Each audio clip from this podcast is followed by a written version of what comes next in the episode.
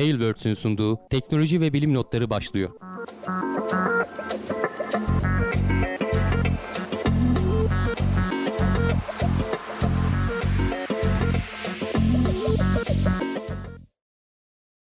Teknoloji ve bilim notlarına hoş geldiniz. Ben Hamdi Kellevicioğlu. Karşımda Volkan Ekmen var. Her hafta olduğu gibi teknoloji ve bilim dünyasından gözümüze çarpan haberlerle karşınızdayız. Nasılsın Volkan? Çok iyiyim abi teşekkür ederim. Seni sormalı. Sen de iyisindir umarım. Ben de iyiyim. Keyfim yerinde. Herhangi bir sıkıntı yok. Sıcaklarla biraz aramız işte dertli.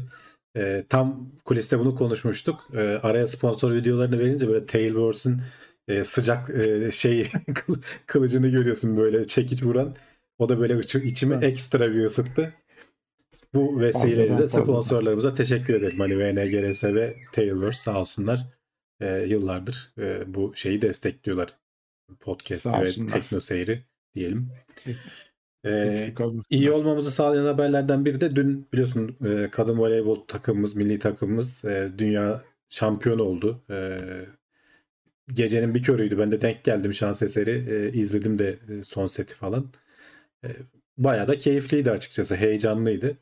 Bütün zorlu rakiplerini yenerek bu sıkıntılı günlerde gene kuliste konuşuyorduk böyle zam üstüne zam aldığımız moralimizin bozuk olduğu günlerde biraz keyfimizi yerine getirdi açıkçası.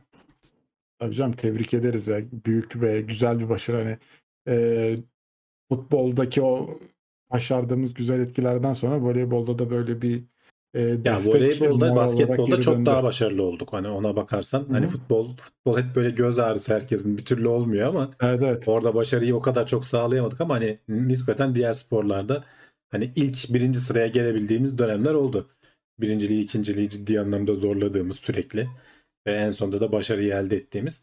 Ama açık söyleyeyim ben voleybolu o kadar çok sevmiyorum. Yani e, çok şey geliyor bana mücadelesi az bir spor gibi geliyor. Ben biraz daha böyle korakor basketboldaki gibi futboldaki gibi itiş kakışlı bir spor istiyorum yani. E, mücadele olacak. Biraz da voleybolda çok kesinti oluyor. Herhalde ondan dolayı biraz hani sonuçta 2-3 pas yapıyorsun. E, bazen uzadığı oluyor hani o şeylerin e, aksiyonun ama genelde de hep kısa kısa şey bitiyor. O yüzden beni çok içine alamıyor oyun. Öyle hissediyorum yani. O zaman e, şey SmackDown, Box, Brave. Box yok falan. yok öyle şeyler değil yani. Şiddet Onları olmayacak da. da yani böyle birazcık da itişeceksin yani bir pota altı mücadelesi olacak ne bileyim bir Olsun, futboldaki Biraz... gibi omuz omuzla şöyle bir devireceksin yani adamı azıcık e, bir şey olması lazım yani. Bir Voleybol biraz şey oluyor biraz lazım. birbirinden ayrışık yani arada bir de file var. Hiçbir doğru düzgün yakın temas yok yani. Kavga yok, gürültü yok. İtiş kakış yok. Evet evet. Kavga oluyordur herhalde ya bilmiyorum. Hiç ben e, bak evet mesela basket maçında da böyle alevlenme falan oldu. Futbol maçında olur hep görürüz. Voleybolda hiç denk gelmedim şimdiye kadar. Yani çok da izlemedim maçı ama e, oluyordur herhalde ne bileyim. Herhalde sa- sözlü sataşmadan falan böyle dellenip birbirine dalan taraflar oluyordur. Olabilir olabilir. Ee, ama sporun e, başarıları güzel ya. Türkiye'yi gururlandırdılar. Tabii tabii canım orası. Tebrik edelim hepsine. Ee, şurada bir şey görmüştüm. Ee, az evvel kulüste konuştuk ama üstüne de Bodenok demiş ki abi insanoğlu ağaçlardan daha yükseğe çıkmamalı bence. Zonguldak'ta geceleri üşüyoruz demiş. Ne diyorsun abi hani ağaçların altında yaşama fikrine? Yani yatay ha, çok... yatay şehirleşme diye özetleyebiliriz. Hani bunu öyle söylüyorlar ya. Ama Akdeniz'de hani maki ikliminde falan hani çok bodur kalmaz mıyız o zaman? Ya bir katlı iki katlı hani aslında en ideali zaten ama tabii e, bu mi? kadar çok adamı da şehirlere toplayamıyorsun o zaman. Çok böyle yatay her yere hizmetleri falan götürmen lazım. Çok da e, maliyetli bir şey. Çok da uygulanabilecek bir şey değil. Hapşırmak üzereyim bu arada. E, iyi yaşa abi şimdiden. Sıkıntı yok. Ee, evet. Ama hani tercih edileni o galiba da hani bu son depremden sonra da hükümetin bu yönde e, baskı yaptığını falan söyleyenler o yazılar falan okumuştum. Ama tabii e, bu çok uzun dönemli falan yapılması gereken bir şey. Bütün inşaat izinlerinin vesaire falan ona göre edilmesi lazım. Bu trende karşı durabileceklerini sanmıyorum ben hiçbir e, yönetimin. Yani dikey yapılaşma öyle, öyle. trendine, baskısına. Çünkü sonuçta şehirlere toplanmak istiyor insanlar. E, e, o da e, maliyetleri arttırıyor. Şeyi düşürebilmen için e, yer maliyeti, arsa maliyeti yüksek. Daha çok insanı barındırabilmek Hı. için dikey, dikine gitmen gerekiyor. Yapacak bir şey yok yani. Öyle. Tamam şöyle bir haberlerimize başlayalım. Ee, gene kulis bölümünde gerekiyorsa bu konuları da tekrar konuşuruz. Ee, her zaman olduğu gibi bir uzay maceralarımızla başlayacağız. Daha sonra yeryüzüne doğru ineceğiz ve oradan da insanlığın e, ilgilendiren haberlerle, insanlığın bünyesindeki haberlerle devam ediyor olacağız. Hindistan'dan bir haberimiz var. Ay'a ikinci yumuşak iniş denemesini yapacak araçlarını fırlattılar. E, aslında geçen seferki e, fırlatışta çok üzülmüştük. Hep beraber burada konuşmuştuk. Evet onun üzerinden Bakalım de bu bayağı sefer zaman neler geçmiş olacak? Volkan. Yani 4 sene geçmiş üzerinden. Yani ben daha yakın Dün zamandır gibi. gibi. evet evet yani o üzüldükleri anları falan hani ara ara bizim de gündemimize geliyor Gö- konuşuyoruz. gözümüze kalıyor ya her zaman. Ee, ama üzerinden 4 yıl geçmiş. Ta 2019'da fırlatılmış o Chandrayaan 2 görevi. Chandrayaan 1 görevi de var bu arada. Bizim hani Ay'a sert iniş gibi onlar 2008'de yapmışlar bunu. Ee, bu e, Chandrayaan 2 görevi e, 2019'da yapıldı. Biliyorsun yörüngeye giren araç başarılı oldu ama yüzdeye inen araç son ana kadar gayet iyi giderken bir anda başarısız olup yere çakılmıştı. Orada da işte e, uzay ajansının hani Hint uzay ajansının e, başındaki adamın başbakana sarılıp ağlaması falan bizi böyle etkilemişti yani hani o gündem olmuştu dünya gazetelerinde falan başlıklarda. E, şimdi artık hani aradan 4 yıl geçti tekrardan hazırlandılar bir pandemiyi falan da atlattılar. Yeniden bir denemek istiyorlar. Chandrayaan 3 aracıyla oradan tabii ki edindikleri tecrübeyi burada da e, buraya da yansıtmışlar. Tasarımlarını vesaireleri ona göre değiştirmişler.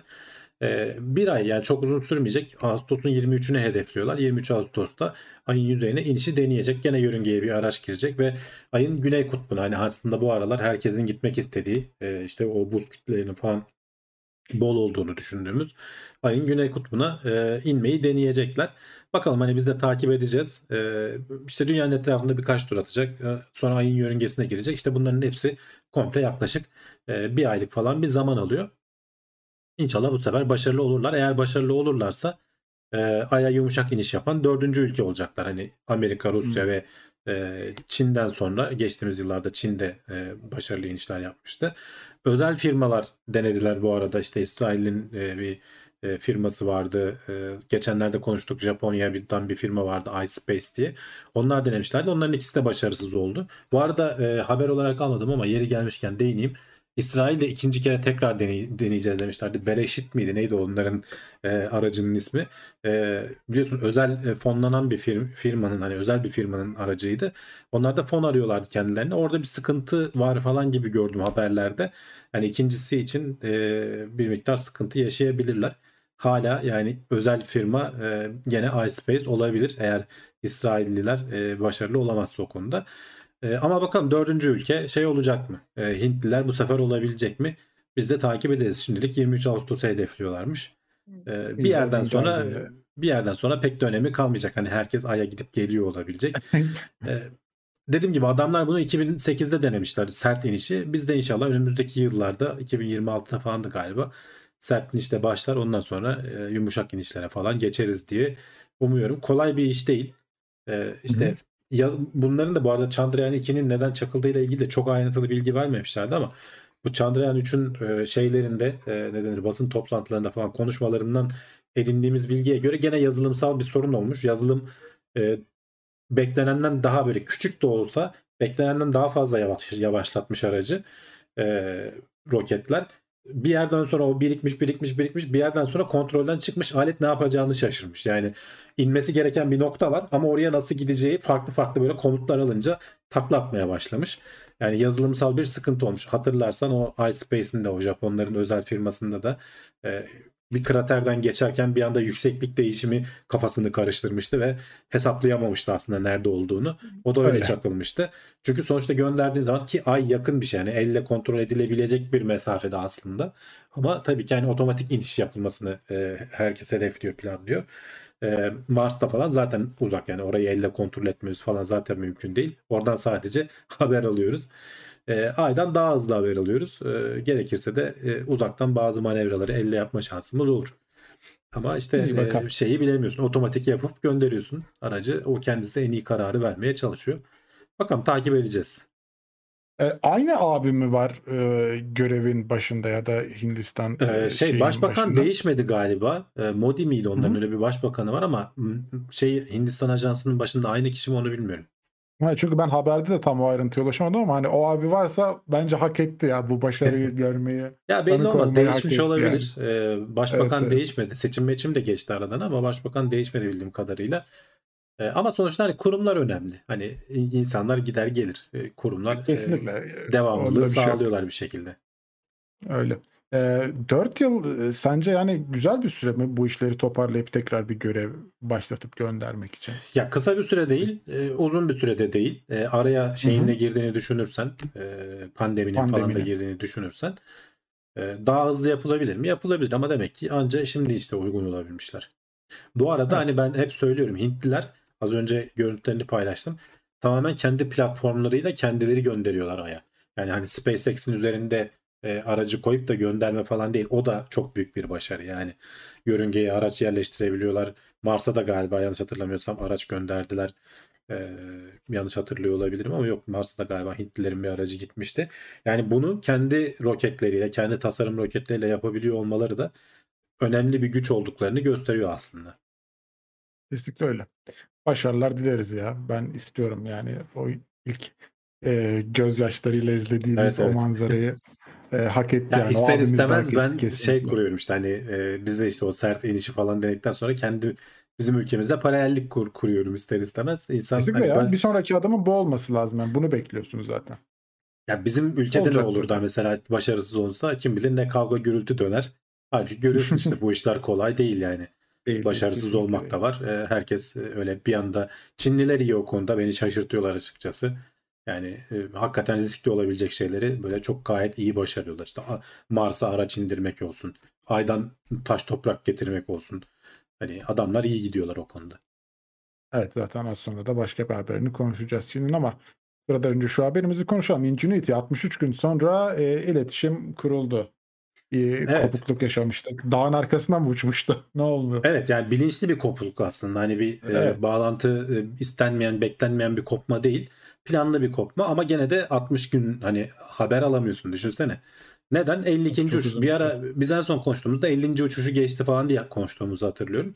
İşte o arada 51-52'yi de yapmış. 52. uçuş bir dağın arkasında biliyorsun bunun iletişim kurabilmesi için dünyayla önce Perseverance'la, rover'la uydu, iletişim kurması lazım. Çünkü kendi üzerindeki antenler falan küçücük yani.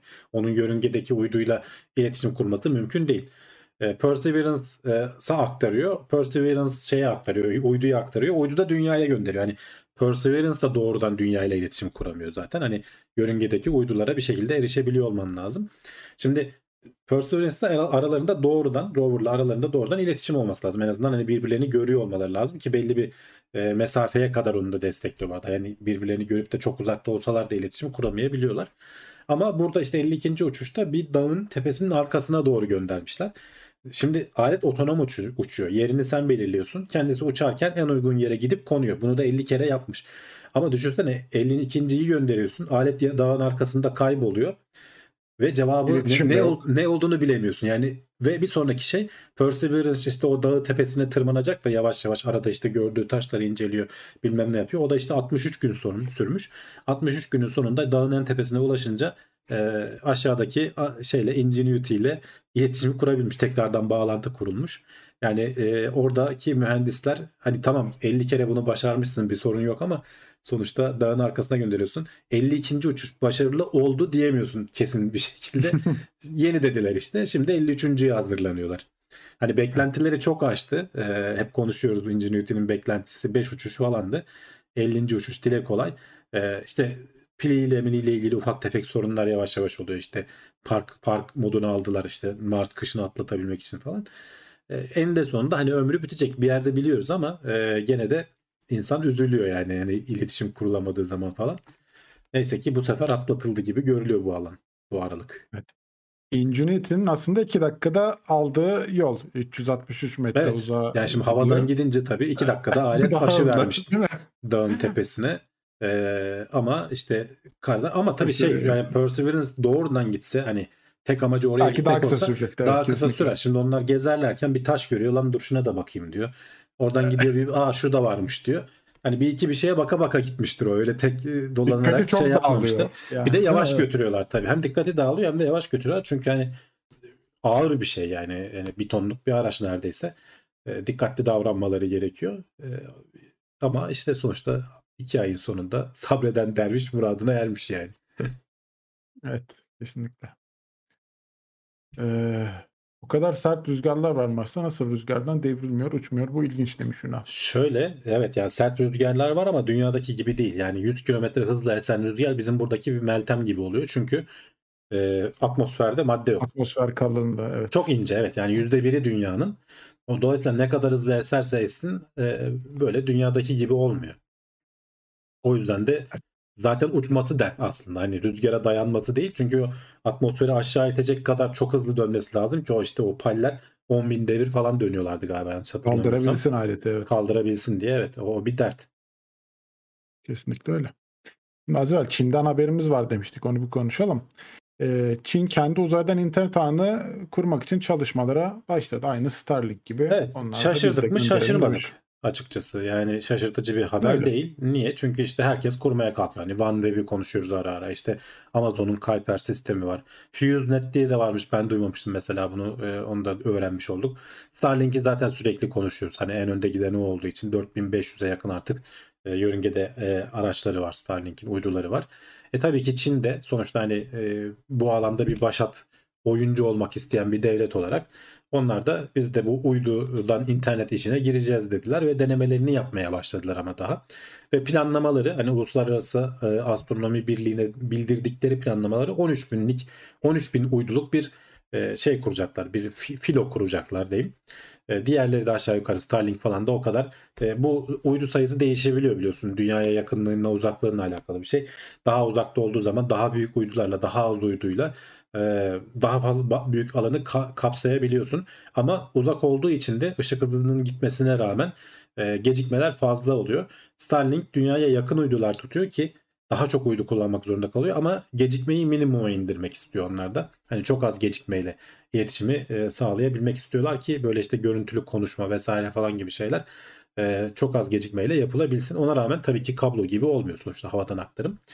Ama bakalım ilk denemeyi yapmışlar. E, uydu şeyin isminde Go Wang diye geçiyor. Yani tam kabaca İngilizce karşılığı State Network yani devlet ağı gibi bir anlamı var yani aslında. Adamlar bayağı bildiğin kendi e, devletlerine ağ kuruyorlar yani. Ama belki ileride bunu da hani bir miktar özelleştirip e, bir operatör olma yoluna gidebilir. Biliyorsunuz Starlink'in bir sürü dünya çapında abonesi var. E, Çinliler de neden olmasın hani. Gerçi Çinlilerin kendi aboneleri yeter yani adamlar bir buçuk milyar adam var orada yani E, onlara internet bağlasa fazla fazla yeter ama e, eğer dünyanın etrafını dolaşan uyduların varsa niye diğer yerlere de satmayasın? Bir yandan da tabii ki bunlar şey diye konuşuluyor. Hani Starlink için de böyle şeyler söyleniyor. Bu aslında Savunma Bakanlığı'nın desteklediği bir proje. Starlink'in üzerinde ne tam olarak ne olduğunu o kadar da bilmiyoruz. Yeri geldiği zaman bunlar e, gözetleme uydusu olarak veya başka bir haberleşme uydusu olarak vesaire falan hani silahlı kuvvetlerine falan da kullanılabilir diye söyleniyor. Hatırlarsanız Starlink de devletlere yönelik böyle bir hizmet vereceğim ben diye e, bir duyurusunu da yapmıştı.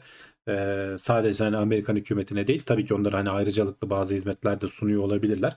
Bunlar açıktan Öyledir söylenmedi. Bunlar bunlar hani söylenti şeklinde yayılıyor. Çinlilerin uydusu da öyle olacaktır muhtemelen.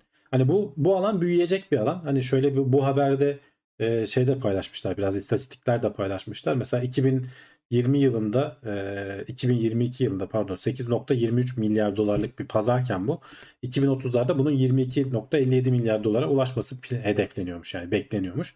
Bu da işte yaklaşık 3 katlık falan bir artış demek yani şurada 8 yıl gibi bir zaman kaldı. Hani gitgide Evet. bunun kullanımı artacak.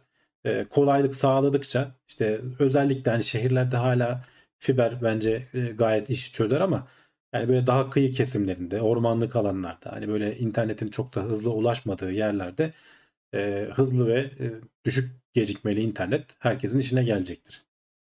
Öyle ya canım. Kesinlikle hani Çin'in de buradaki yaptığı atılım kesinlikle hani Çin açısından bak zaman mantıklı. Onda diyecek bir söz yok. Ama işte hani bu da uzayı da e, kirletiyoruz e, tartışmaları aslında devam da ediyor bir yandan. Şimdi Çin de girdi bu işlere. Onlar da bir o kadar uydu fırlatsa buranın sonu ne Tabii. olacak demeden de edemiyor insan. Hatta aslında mesela bu Starlink uyduları e, şey diyorduk. E, çok parlak ve e, işte gözetleme yapılırken uzayı e, sıkıntı oluyor diyorduk. Orada bir karartmaya gittiler ama aynı şekilde bir de bunlar e, radyo teleskoplarını da etkiliyormuş. Onların girmesi istenmeyen frekanslarına sinyal gönderiyormuş. Evet yani şimdi bir grup araştırmacı e, bunun üzerine de araştırma yapmış. Şimdi biz hep tabii ki Starlink uyduları şeyle gündeme geldiler. Bu e, görsel alanda gözlem yapan teleskopları etkilemeleriyle gündeme geldiler. Hatta şöyle videoları da vardı. Starlink Katar'ı diye böyle ardarda arda uydular böyle güzel bir şekilde e, tren gibi geçiyorlar. Hani alttan baktığın zaman güzel görünüyor ama işte bunlar e, uzun pozlama yapan e, teleskopların ki hani onu da şöyle aşağıda göstereyim. Çektikleri görüntüyü buna çeviriyorlar. Yani uzun pozlama yaptığın zaman karma karışık bir şey haline getiriyor senin pozlamanı. Her zaman olmuyor. Bu görünüm, e, bu işte Katar görünümü güneş doğarken veya batarken oluyor ama yani bir saatlik falan bir alanı kaplıyor ve e, dilimi kaplıyor ve sonuçta sen uzun pozlama yapıyorsan o arada da pozlama yapman gerekebiliyor. O yüzden astronomlar sürekli e, varyansın ediyorlardı. Starlink de bu alanda bazı önlemler almaya çalıştı ama ne kadar önlem alırsa alsın bir yere kadar işi e, çözemiyorlar. Bir yerden sonra gene e, o güneşten gelen belli açılardan gelen ışık dünyaya geri yansıtılıyor. Bu gör, görsel anlamda gördüğümüz ışık kirliliği. Bir de senin dediğin gibi bir başka e, uzman grup böyle çok hassas antenlerle bu radyo astronomi de sonuçta çağımızın en önemli e, kollarından bir tanesi. Astronomi alanındaki kollardan bir tanesi. Uzaydan gelen radyo dalgaları dinlenilerek pek çok şeyi e, gözlemleyebiliyoruz. Sonuçta aslında ışık da radyo dalgası da elektromanyetik dalga aynı şeyler aslında. Bir tanesi hani bizim gör, gördüğümüz alan dediğimiz şey bir tanesi de optik alan dediğimiz bir tanesi de radyo dalgaları biraz daha e, farklı dalga boylarında olduğu zaman. Şimdi burada e, gene geçmekte olan e, Starlink uydularını kontrol etmişler. Yaklaşık e, şeylere ayrılmış bir frekans var. Normalde Starlink kendi iletişim kurduğu frekanslar çok daha yüksek hani gigahertz seviyelerinde. Burada onlar da vardı ama 10.7 ile 12.7 GHz arasında iletişim kuruyorlarmış e, Starlink uyduları. E, şeyler e, bu e, radyo e, astronomlar çok daha düşük aralığı kullanıyorlar. 150 MHz ile 153 MHz aralığı için hani böyle radyo astronomi için ayrılmış e, aralıklar varmış. E, ama bu şeylerin 68 uyduyu gözlemlemişler Starlink uydusunu. Bunlardan 47'sinin istenmeyen radyo dalgası yaydı. Yani 110 ile 188 MHz arasında radyo dalgaları yaydığı tespit edilmiş. Şeyi de söylüyorlar ama hani bu çok öyle aşırı e, güçlü bir radyo dalgası değil. Sonuçta iç, içerisinde bunların e, elektronik ekipmanlar falan var. Bunlar e, yeterince iyi korunmadığı zaman etrafa şey yayabiliyorlar. Radyo dalgaları yayabiliyorlar. Herhalde onları yani çok hassas e, teleskoplarla, radyo teleskoplarla bunları ölçebilmişler. Bunları e, Starlink'e de bildirmişler. Starlink hani olumlu yaklaşmış. Tamam biz bu konuda da çalışacağız diye. Ama işte sıradaki bir önceki haberle şey yaparsak e, değerlendirirsek e, kaç tane firma var. Starlink şu anda evet 4000 tane onların uydusu olduğu için biraz onlar göz önünde ama yarın bir gün OneWeb de gelecek. İşte Çinlilerin e, şeyleri de gelecek, uyduları da gelecek. İşte e, Kuiper'in uyduları gelecek. Yani orası bir uzay çöplüğü haline gelecek. Yani e, uydular ard arda atılıyor ve her biri 13'er bin 15'er bin atılacak. Yani şu anda e, uydu sayısı 10 binleri falan geçti yani. E, hı hı. Aktif uydular diyelim. Hani aktif olmayanlar e, la birlikte evet. iyice daha da artıyordur galiba sayı. E, yani Starlink hani belki bunları bu nispeten şeye göre daha kolay bir etki bu arada. Hani bunların kapatılması, bunların iyice minimuma indirilmesi. Biraz yalıtım malzemesine daha fazla. Evet, biraz daha çabalayacaklar. Ona, onların bir yöntemleri bulunur muhtemelen. Bu biraz daha kolay gibi. Ötekine pek yapacak bir şey yok. Adamlar hani e, işte ışığı doğuracak boya koyuyorlar. E bu sefer alet ısınıyor. Aşırı ısınıyorsa ışığı yansıtamadığı için güneşle aldıkları için sonuçta hani uyduyu soğutamıyorsun. E, e, yansıtsa yansıtmasın diye işte böyle üstüne şey koydular şapka koydular böyle bildiğin bizim güneşe çıkarken taktığımız şapkalardan. E, e, o da bir yere kadar etkili oldu ama bir yerden sonra olmadı. Işığı çözmek daha zor yani açıkçası. Hı hı.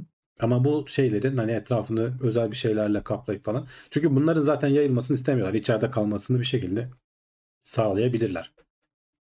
Öyle. Bir de ama şey şimdi hani burada mesela 68 uydu incelendi dedik. İşte hani onların belli başlı işte 47 tanesinde bu var dedik. Şimdi tamamı incelendiği zaman ve böyle bir sızıntı varsa aslında daha çok etkileyecektir yani. Tabii. Ve daha ileride de fazlasına fırlatılacağını söylüyoruz. O yüzden şimdiden çalışma yapılması lazım. Hatta hani şey de söylüyor haberde.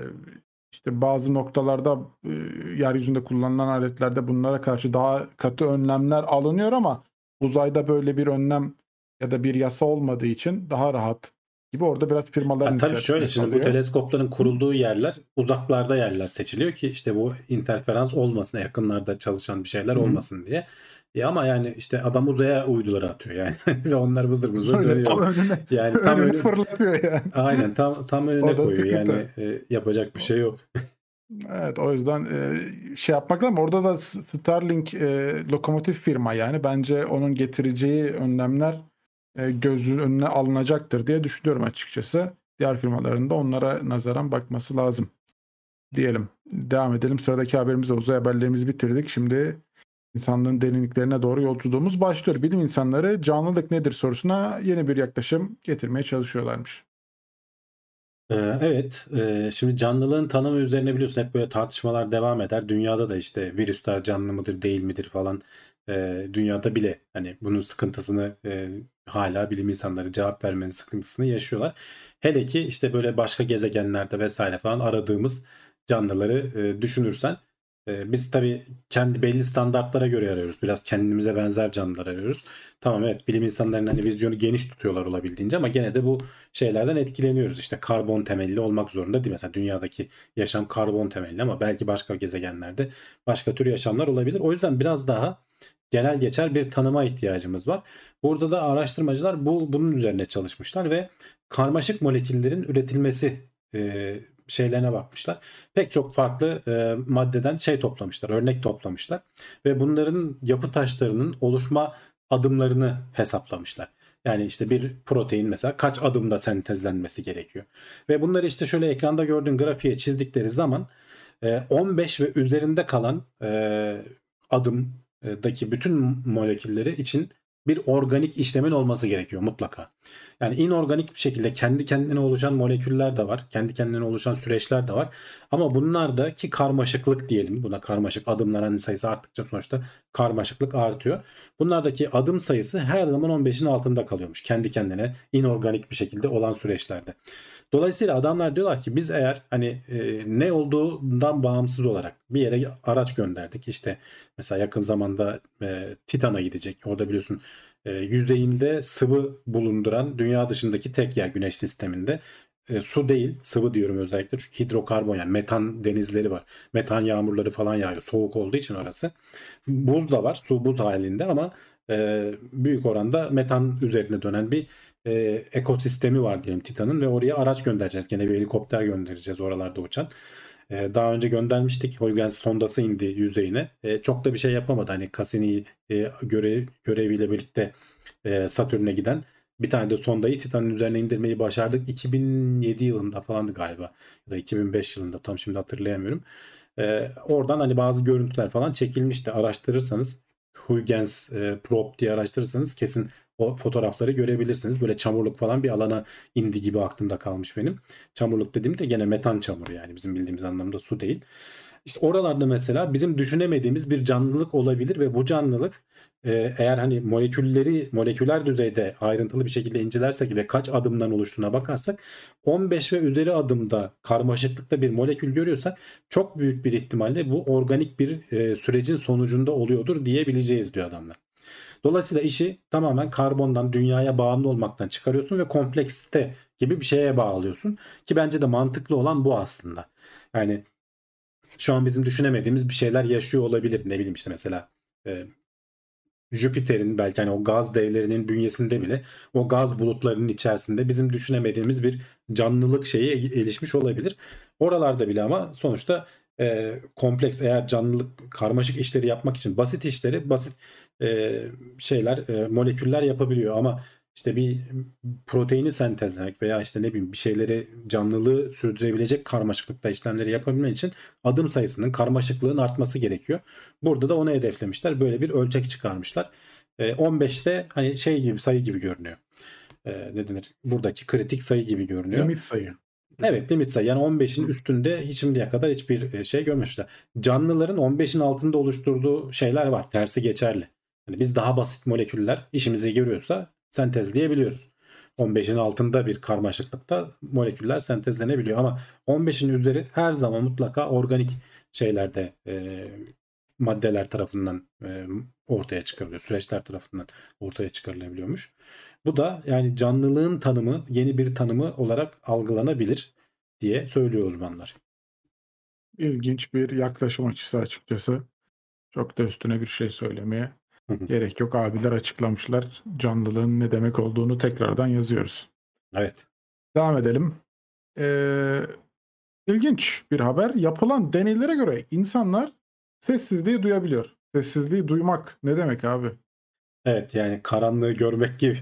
Aynen abi. Bu nasıl bir tabirmiş? ya bu Bilim biraz insanlar ne diyor? Ya sessizliği duymak tabii ki şey biraz böyle clickbait tanımı ama aslında gerçekten de bunu denemiş adamlar. Şimdi sessizliği beynimizin nasıl algıladığını ölçmeye çalışıyorlar. Bununla ilgili e, sesi nasıl algıladığına yönelik deneyler var. Ve bunu tam tersini sessizliğe uygulamışlar. O deneylerde nasıl dersen şimdi sana bir e, uzun olanın e, ne denir? Kesintisiz olanın daha uzun algılandığı diye bir illüzyon var. Şurada bak e, şuradaki görüntülerden anlatmaya çalışayım. Şimdi sana bir ton veriyorlar. Hiçbir kesinti yok. Onu dinliyorsun sonuna kadar. Bir de aynı uzunlukta ama arada kısa bir es veren bir kesinti, kesiklik olan bir e, ses dinletiyorlar. İkisi de aynı uzunlukta ama sen arada kesikli olanı daha kısaymış gibi algılıyorsun ve kesintisiz olan tonu daha uzunmuş gibi algılıyorsun. Bununla ilgili ses üzerine yapılmış pek çok bunu beynimizin nasıl algıladığına yönelik e, bu sesli uyarıları nasıl işlediğine yönelik pek çok araştırma var. Bu araştırmada ama makalede bunun aynısını sessizliğe uygulamış adamlar. Aynı uzunlukta sana bir sessiz e, şey veriyor. E, hemen altındaki e, şeye bakarlarsa. Önce bir arka plan gürültüsü var. Mesela işte böyle e, habere tıklarsanız orada e, nasıl bir ses kullanıyor. Kendiniz de deneyebilirsiniz. Ben denedim gerçekten de aynı etkiyi veriyor bana. Arka planda bir gürültü var. Böyle restorandaki bir böyle çatal bıçak sesleri, konuşmalar falan bir gürültü olduğunu düşün. O gürültü bir süre kesiliyor. Sonra tekrar başlıyor. O kesildiği anı iki şekilde veriyorlar sana. Aynı uzunlukta olacak şekilde. Bir tanesi aralıksız kesiliyor. Bir tanesi arada çok kısa ses gelip tekrar kesiliyor. Yani bir es veriliyor. Sessizliğe es veriliyor. Ve sen gene aynı seste olduğu gibi sessizliği de e, kesintisiz olanı daha uzun algılıyorsun. Bununla ilgili 6-7 deney yapmışlar. Böyle tek bir deney değil. Ben bunu anlatıyorum sadece. Ve 1000 kişi üzerinde araştırma yapmışlar. Yani ve bunun sonucu olarak da diyor ki yani beynimiz zaten hani şeyleri biliyoruz. Konuşmalarda işte araya esler vermek, sesi arada durdurmak falan e, daha anlamlı olmasını sağlıyor zaten. Hani bunu pek çok araştırmadan bunu biliyoruz. Ama beynimiz burada doğrudan hani sessizliğin beynimizde nasıl işlendiğine yönelik e, yapılan ilk yegane araştırmalardan bir tanesi. Tabii ki bunun şimdi daha ilerisini hedefliyorlar. Tam olarak şimdi burada ses de var aslında. Sessizlik bir araya giriyor evet. Ama yani arka planda bir gürültü de var, ses de var. Bundan sonraki aşamalarda sesten de ayrıştırarak hani sessizliği tamamen sağlayarak bunun beyni nasıl işlediğine yönelik araştırmalar da yapacağız diyorlar. Hatta işte acaba mutlak sessizlik diye bir şey var mı? Bunları falan araştıracaklarmış. Ee, bakalım hani bizim önümüze düşerse o araştırmaları da konuşuruz. Ama hani sessizliği de beynimizin aynı şekilde işliyor olması beni şaşırttı açıkçası. Ya ben biraz hani şeyle bağdaştırdım bunu. Mesela bir işi sürekli aynı işi yapmak aslında daha uzun gelir ama arada belli bir eee, es verip mola verip o işi tekrar yapmaya devam ettiğin zaman aslında sürenin daha kısalmış olduğunu hissedersin bazı durumlarda. Hani biraz da ona benzettim. Belki de bu hani Evet. bu süre algımızla da alakalı direkt bağdaştırabileceğimiz bir şey. Eee, bilemiyorum ama hani sessizlik konusunda sessizliği hissetmek daha doğru bir tabir gibi geldi bana bilemiyorum. Sessizliği duymak biraz ütopik bir e, çağrışım yaptı Evet ya o biraz dediğim gibi clickbait başlık olsun E, yani öyle. değil mi? Evet. Evet yani mü- müşteriyi yemleyeceksin biraz ki onlar da lan bu neymiş diye gelsinler yani. Gelsinler. Dart demiş ki zamanın göreliliği. Evet, bağdaştırabilir miyiz onunla da? Evet bağdaştırabilirsin için yani hani o ama tamamen bu insan algısıyla alakalı bir şey yani hani yoksa zamanlama vesaire falan değişmiyor. Gerçek hani saatlerle falan ölçtüğün zaman herhangi bir değişiklik yok ama sen sanki bir tanesini ötekinden daha uzunmuş veya daha kısaymış gibi hissediyorsun. Ee, Olabilir. burada da öyle bir durum söz konusu. Ama aynısını işte sesle ilgili olan deneyleri birebir sessizlikle yaptıkları için burada hani sessizliğin de beyinde nasıl işlendiğine yönelik bir araştırma yapılmış ve aynı sonuçlar çıkmış. Bu şaşırtıcı aslında. Can Serkan Ayhan demiş. Sessizlikle ilgili başka bir araştırma da işlenmişti sanki. Çok sessiz ortamlar insan rahatsız ediyor sonucu çıkmıştı sanırım onda da demiş. Ya şöyle e, onu deniyorlar hani işte sessizlikten çıldırdı falan gibi. Veritasium'un hatta bununla ilgili e, bir videosu da vardı. Şeye koyuyor böyle full yalıtımlı bir oda var böyle her yerinden ki senden çıkacak ses nefes sesin bile geri yansımıyor sana. E, çok iyi öyle tasarlanmış e, belli stüdyolar var. Oraya gidiyor karanlıkta e, şeyde orada oturuyor bir süre bir saat iki saat falan. E, nefesini bile duyamıyorsun düşünsene hani aldığın nefesi bile e, en azından dışarıdan yansıyıp duvardan muvardan yansıyıp sana olabilir. gelemeyecek şekilde. İşte o acaba hani e, halüsinasyon görmeye başlar mı? Çünkü söylentiler o yönde. Yani yeterince uyaran olmadığı zaman hem görsel çünkü karanlıkta oturtuyorsun hem de ses.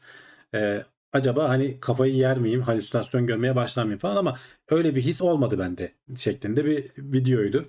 Veritasium Hmm. diye aratırsanız ki yani benim sevdiğim kanallardan biridir. e, onu bir izleyin derim.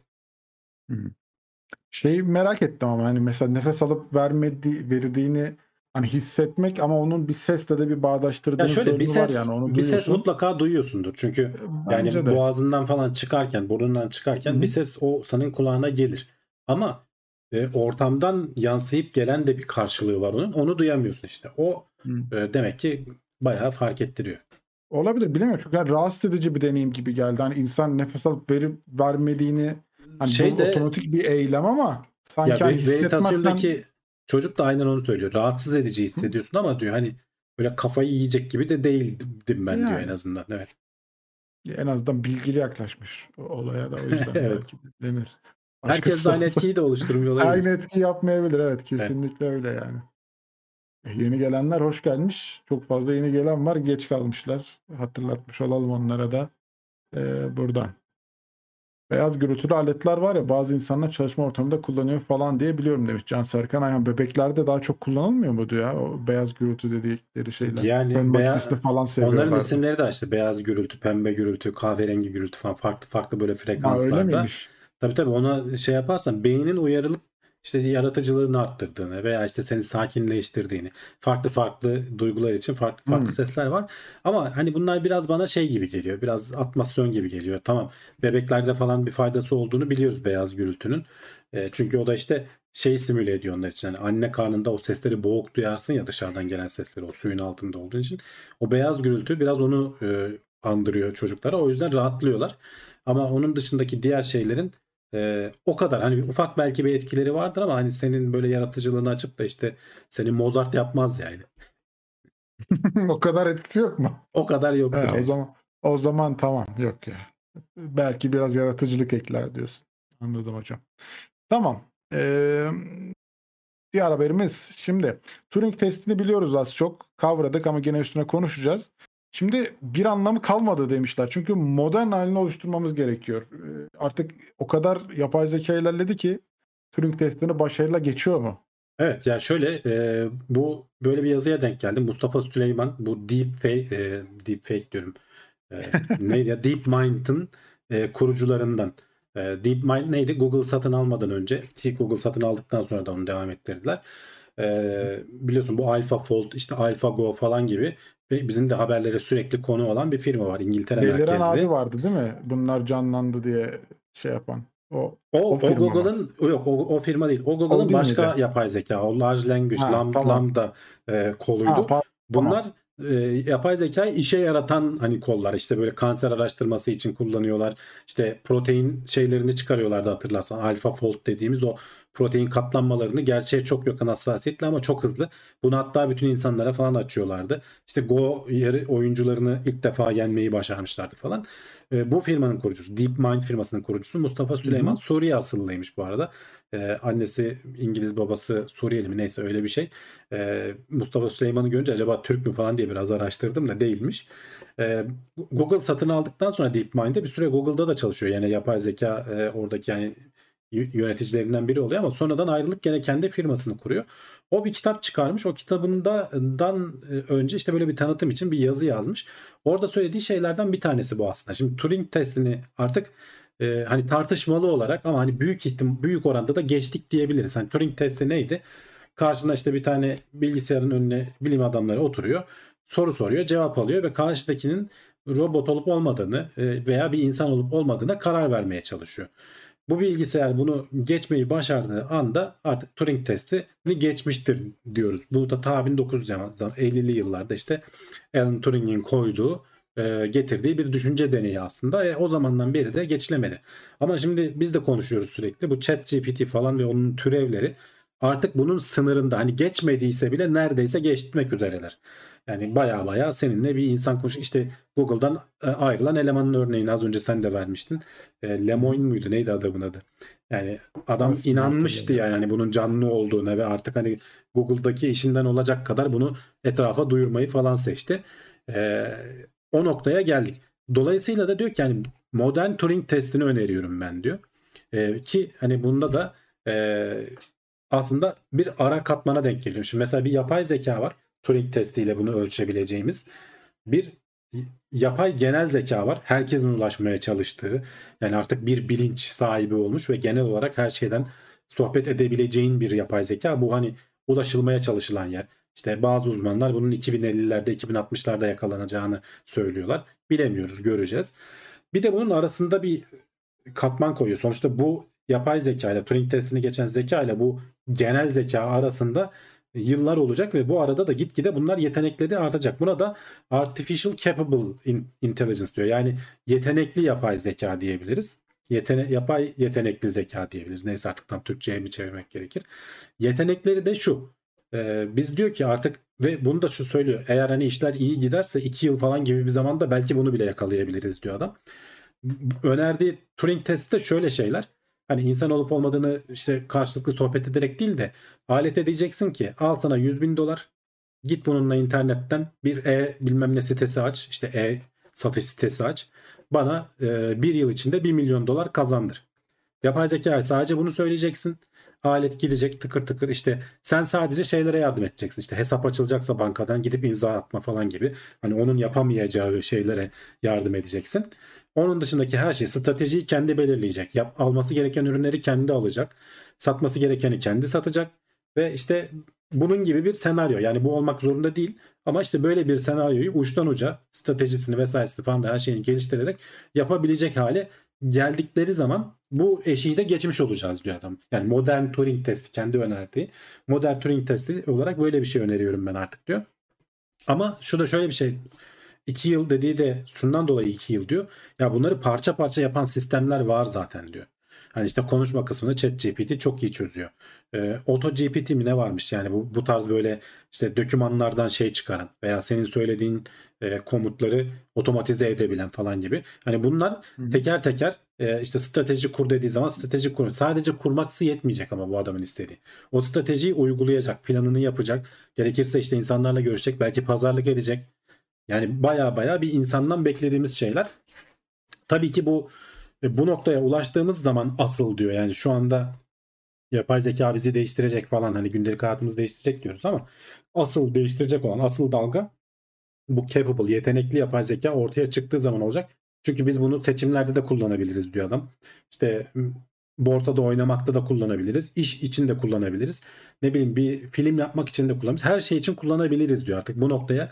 Ve adamın hani bu işi bilen bir adam, bu işin kurucularından olan bilgili bir abimiz olarak adam 2 yıl içerisinde olabilir diyor. Hadi şaşırdığını bilemediğini farz edelim. 10 yıl içerisinde olsun. Yani bildiğimiz anlamda dünya değişecek. Hatırlarsan birkaç yıl önce şey birkaç hafta önce şeyi konuşmuştuk. Yuval Noah Hariri de buna öne benzer bir uyarıda bulunmuştu. Yani bildiğimiz anlamda e, mü- şey İnsanları medeniyet bitiyor. diyor. Evet, insanlık bildiğimiz anlamda insanlığın sonuna geliyoruz. Başka hani insanlık bitiyor anlamında değil. Başka anlamda bir şey ortaya çıkacak ve biz de hani bununla beraber çalışacağız. Hani bizi yok edecek gibi hani böyle kolaycılığa kaçmaya gerek yok ama bildiğimiz anlamda medeniyet değişecek. Ve bu e, geçmişteki şeylerin hiçbiri gibi olmayacak. Çünkü düşünsene bak adamın söylediği senaryo şimdi bazı insanlara versen yapamayacağı noktada. Hani al 100 bin doları git bunu bir senede 1 milyon dolar yap diyorsun. Son derece komple, kompleks bir iş ama yapay zeka belki bunu çok iyi bir şekilde hatta belki insanlardan çok daha iyi bir şekilde yapabilir hale gelecek.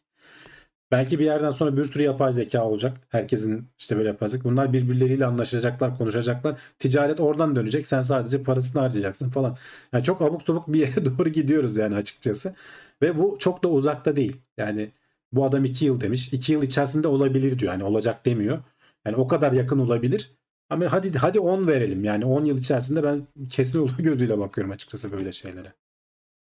Çok ilginç yani bu ticaretin de e, sınırlarını zorlamaz mı ya? Şimdi bir yapay Her şey etik, etik içinde- sınırları zorlar, ahlak sınırlarını zorlar. Yani Değil çünkü bunu Kesinlikle. herkes iyi niyetle de kullanmayabilir.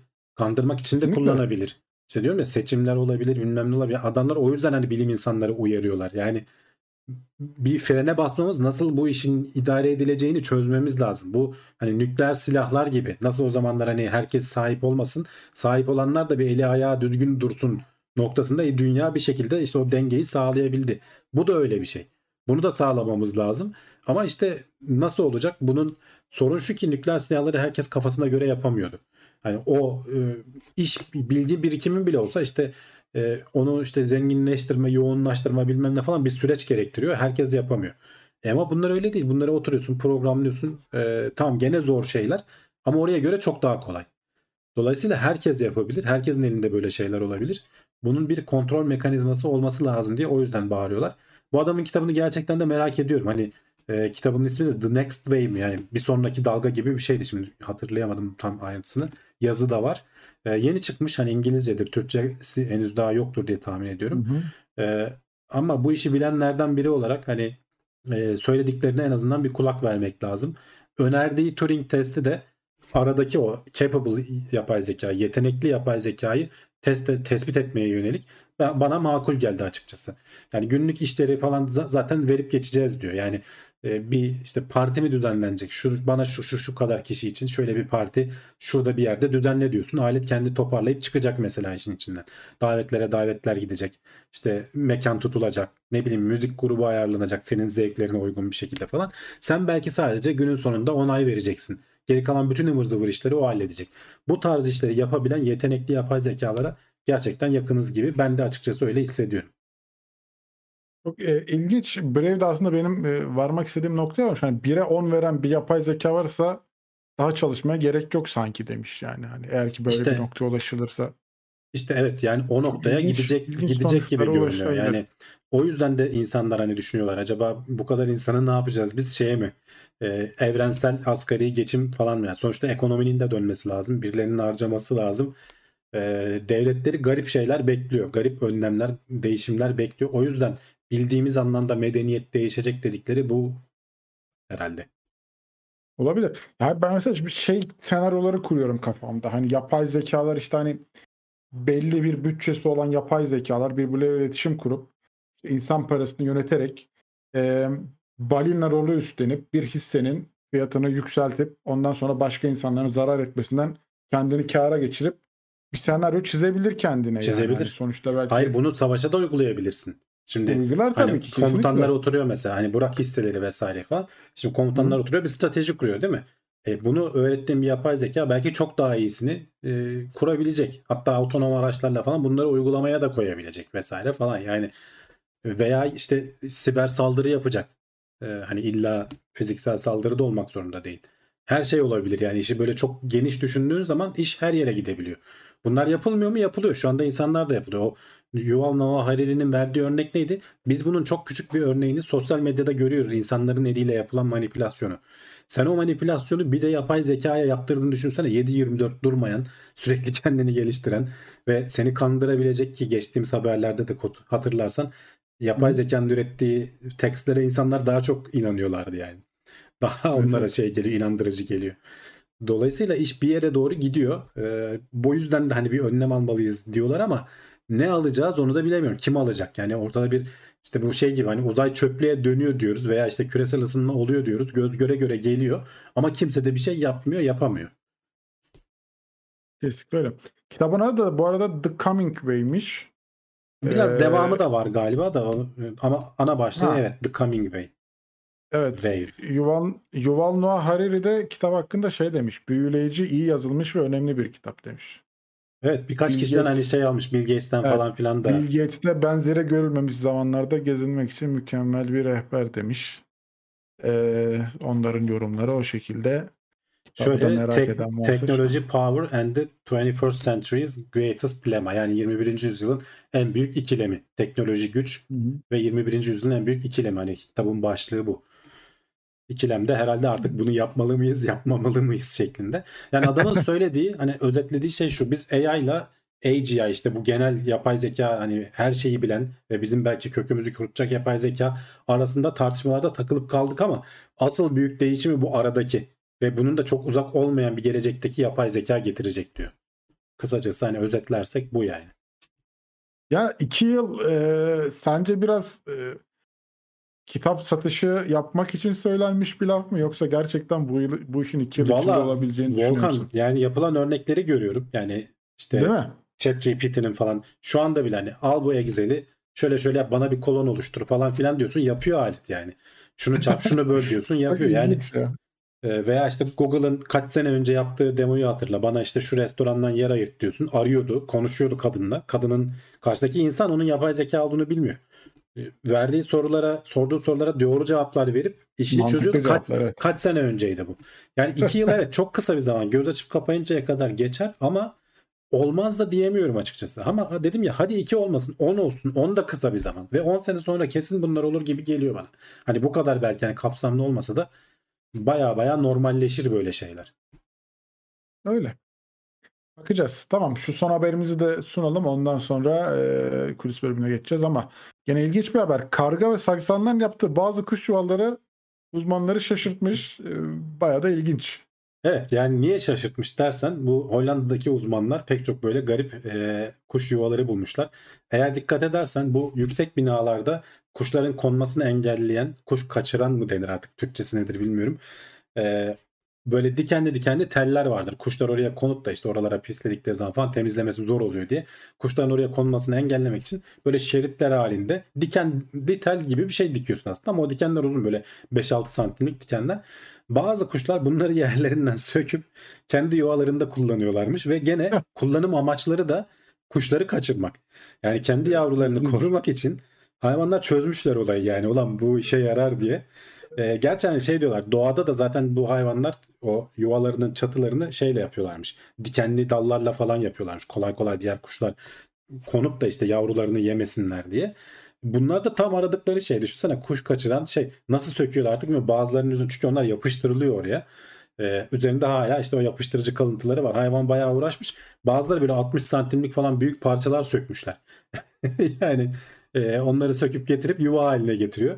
E, ve e, yavrularını içine koyuyor.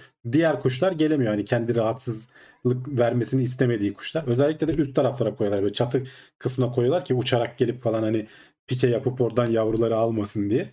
E, gerçekten de insan bilim insanları da şaşırıyor. Ben diyor hani kuş kuş uzmanıyım diyor. Bu binlerce kuş yuvası gördüm. Beni bile şaşırttı diyor yani bunlar. Yani hayvanların ne kadar esnek, e, kuşların ne kadar yaratıcı olduklarının bir örneği. Gene sadece bu dikenli kuş şeyleri değil, kuşların girmesini engelleyen ağ falan gibi şeyler de varmış. Bazılarında onları da kullanıyorlarmış. Yani o ağları da bir şekilde sökmeyi başarmışlar yerlerinden. E, getirip bunun üstüne yerleştirmişler yuvalarının üstüne. Çivilerle falan yapanlar da varmış ya. Çok ilginç. Ben hani o tweette görseller falan var. Ee, haberin içerisindeki tweette merak edenler oradan baksın. Çiviyle falan kuş yuvası yapmış. Kuş kendine yani. Evet evet yani öyle sivri Evet. şeyleri buluyor. İlginç. Savunma amaçlı diğer kuşlara karşı şey yapıyor, kullanıyor. Evet. Ben balkona CD taktım hala işe yarıyor demiş İbrahim. Evet, öyle bir bir şey var değil mi? CD takınca yansıttığı için Evet yani hareketli bir de işte bir şey ışığı var. falan yansıtıyor. Ondan korkuyorlar, çekiliyorlar. Ama işte e, çok ilginç kuş yuvaları var. Senin dediğin gibi vidaları vidaları toplayıp gelmiş. Onun içerisine yapmış. Bizim de bu arada e, bu dönem herhalde yumurtlama dönemleri. Bizim pencerenin önünde getirip getirip bırakıyorlar. Yani yuva da yok bir şey de yok. Pencerenin önünde saçma sapan yumurta kalıyor. Hayvan artık hani yuva mı yapamadı? Son anda buraya getirip dayanamadı buraya mı bıraktı? Böyle garip. doğum sancısı tuttu. Doğum sancısı tuttu. iki, iki senedir öyle oluyor. Garip bir şekilde. Hani bir yuva yok bir şey yok. Sonra kendileri de bırakıp gidiyorlar yuva olmadığı için. Bizim böyle evimizin önünde bir tane şey var. Kumru yumurtası Hmm. galiba hani. Küçücük bir şey. Bence hani şey diyor bak sana bırakacağım seneye bir yuva yap da hazırlık yap. Ya Şimdi şey yaptım. bir Bir, tanesi bir tanesini öyle bırakınca bir sepet buldum evde. İçine de böyle işte pamuk mamuk koyup içine yumurta yerleştirdim ama gelmediler. Hmm. O bence orayı yani dediğim gibi tutamadı hayvan artık sancısı geldi. Getirip oraya bırakıp gitti diye düşünüyorum. Olabilir. So- Sonra da yuva olmadığı için de terk etti herhalde. Kahvaltıda gömersin demişler abi. Vallahi yok öyle bir şey de yapmadık Olmaz açıkçası. değil mi? Aynen öyle. Kuş CD'yi götürüp yuvasına takıyormuş demişler. Çok iyi. Onu da alıp ne, götürüyor. ne varmış bunun içinde diye. Diğer bir de dinliyor değil mi? Orada şeyi varmış. CD çaları ona takmış. Çocuklarına Mozart dinletiyor. Daha şimdiden çok faydası var diyor. Şimdiden başlarsa. Allah'ım. Evet son haberimiz de aslında bu da. Ee, haberleri bitirdik. Fakat ayrılmıyoruz bir. Niye? Şimdi işte soru cevap bölümümüz, sohbet bölümümüz var. Oraya geçeceğiz. Ee, yayını beğendiyseniz aşağıdan bir beğen tuşuna basmayı unutmayın. YouTube'dan destek verin deriz. Abone olabilirsiniz kanala. Hala abone değilsiniz ve katı üzerinden ücretli bir destekte bulunabilirsiniz. Gene süper chat, süper sticker ve yayından sonra da e, ücretli yorum özelliğini de kullanarak e, destek bulunabilirsiniz diye hatırlatmış olalım. Bütün burada konuştuğumuz haberlerin içerikleri e, teknoseyir.com'da olacak. Oradan haberin kaynağına ulaşıp içindeki ayrıntıları tekrar okuyup e, gözlemleyebilirsiniz diye de hatırlatmış olalım. Araya sponsorcularımız geliyor. Hemen ardından e, kulis bölümünde buradayız. Bak az önceki yapay zeka ile konusuyla ilgili Onur Bektaş demiş ki Go belgeselinde Master Go ustası bilgisayar için bir ayda ne kadar oynamış olabilir ki diyordu. Aklıma o geldi demiş. Yani hakikaten evet yani düşünemiyorsun ya bir ayda ne kadar oynamış milyonlarca oynayıp çıkıyor alet yani. Sen Kombinasyonları Ve denemiş. işin kötüsü işte Nvidia'nın falan hisseleri uçuyor çünkü adamlar en hızlı işte çipleri üretiyorlar. Şimdi onlar da iyice bu işe yüklendiler. Gittikçe şeyin hardware'in gücü de artıyor yani donanımın gücü de artıyor bu işe ayırabileceğin. Dolayısıyla bir ayda oynayacağı oyun milyonlardan milyarlara çıkıyor. Değil mi? O yüzden çok hızlandı bu iş yani. e, donanım altyapısı yetişti bir yerden sonra. O yetişince de fikirler uygulanabilir hale geldi. İşte internet de yaygınlaştı, kaynak da arttı. Eğitim için kullanabileceğin kaynak. Tabii onlar da şimdi kavga konusu oldu. İşte herkes birbirini dava ediyor. Yok sen benim resimlerimi kullandın, sen benim metinlerimi kullandın bilmem ne falan. Ama yani bunun kaçarı yok. Bu e, iş buraya doğru gidiyor bence. Olabilir. Yetenekli yapay zeka hepimizin işini bitirecek. Yani insanlar sadece bir kontrol şeysi haline gelecekler.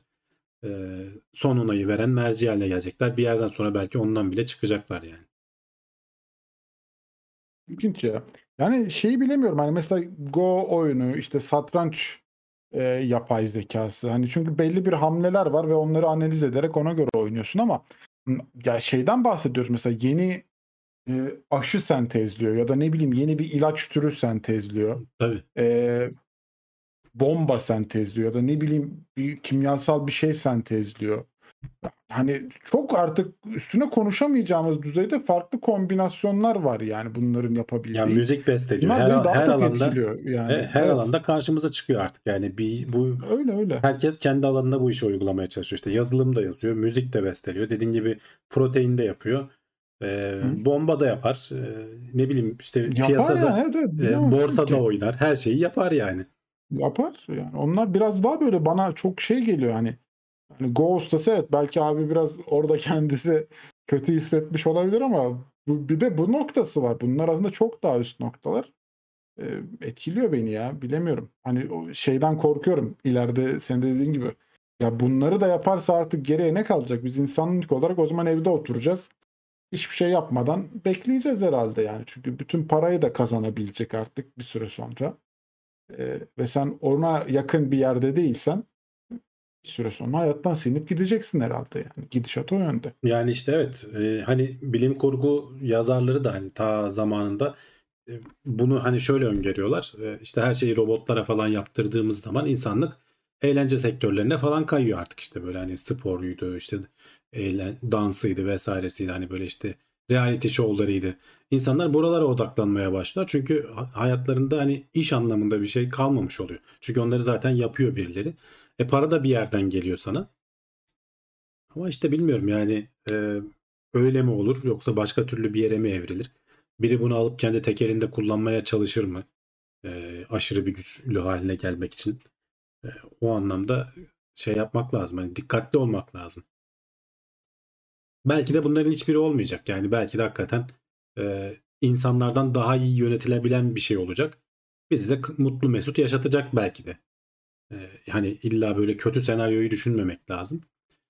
Ya orası öyle ama hani mesela sanki insanların işte hani en büyük sıkıntılarından birine mesela besin hani genelde e, çünkü e, büyüyüp gelişmek için kullanıyorsun. Hani o besin ihtiyacını karşılaması lazım insanın bir şekilde. Bunlar üzerine çalışmalar yapılıp bunlar geliştirilse belki hani açlığın e, işte bittiği bir Onlara da çalışan var işte. Herkes onlara da çalışıyor. Var yani. var. E, Her konu dediğim gibi her herkes kendi uzmanlık alanına göre bir konu bir konuyu atlamış durumda işte. Bakteri sentezlemeye çalışanı da var. ilaç yapmaya çalışanı da var. Tarıma uygulamaya çalışanı da var yani. Hı. Hani sanki ama biraz bu konudaki haberler geri planda mı kalıyor bilmiyorum ya da belki bizim için çok öyle ekstrem ilgi çekici gelmediği için gündemimize girmiyor ama hani bu alanda biraz geliştirirse kendini en azından çünkü yaşamın sürdürülebilir olması açısından mecburiyet doğuruyor. Ee, bunlara yatırım yapılması gerekiyor ama senin dediğin gibi hani öbür alanlarda da kesinlikle kendini geliştirmiş bir teknoloji. Bak Tuner Budanur sormuş. Mars'a gönderilen drone gönderilmeden önce yapması gereken görevler yüklense daha kolay olmaz mı? Öbür türlü sinyalin gitmesi gelmesi zaman kayboluyor. Zaten görev önceden yükleniyor ama dünyadan her şeyi yükleyemezsin. Yani oraya gittikten sonra nereye gideceksin? Esnek olman lazım ki etrafı geze geze. Çünkü gittikçe, uçtukça nereye gitmek istediğini sen seçiyorsun. Onlar da seçiyorlar. Şuraya uç diyorlar. Alet kendi yapıyor geri kalanını zaten. Hani sen oturup da e, özel, özel olarak dünyadan kontrol etmeye çalışmıyorsun. Yer belirleyip şu, şu mesafeye şu kadar dakika şu kadar saniye uç bir yerlere kon diyorsun. Alet gidip oraya bir yere inmeye çalışıyor. Yoksa buradan kontrol etmek falan mümkün değil zaten. Ama en baştan programlamak da mümkün değil. Çünkü gittiğinde neyle karşılaşacağını da bilmiyorsun.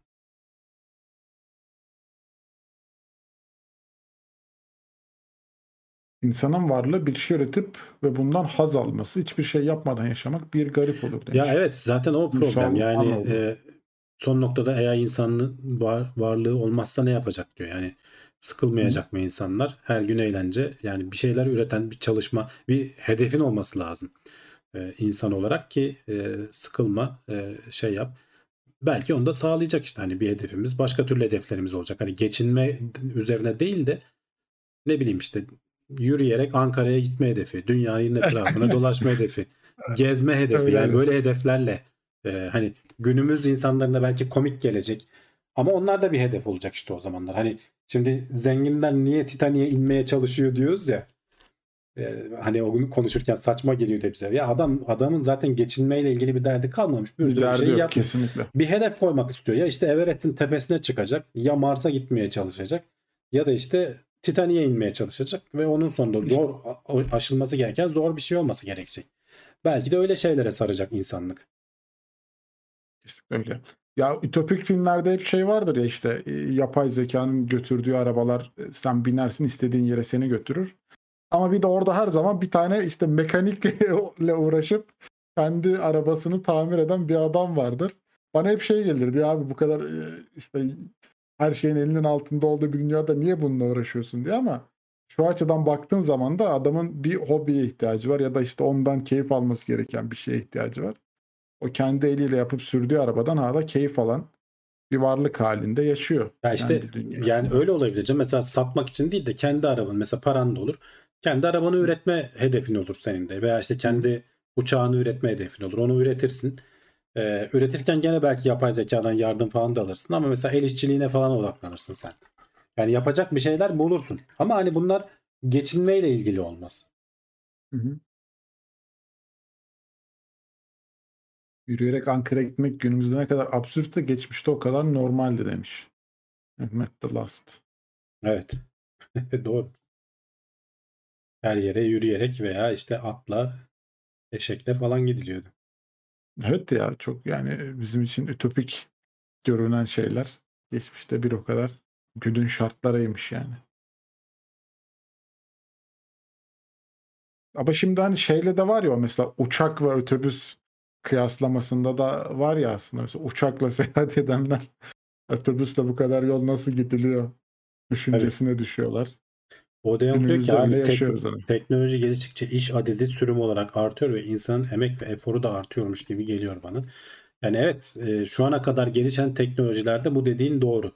Yani teknoloji daha fazla iş kolunun açılmasını sağlamış. Ama yapay zeka öncekiler gibi değil.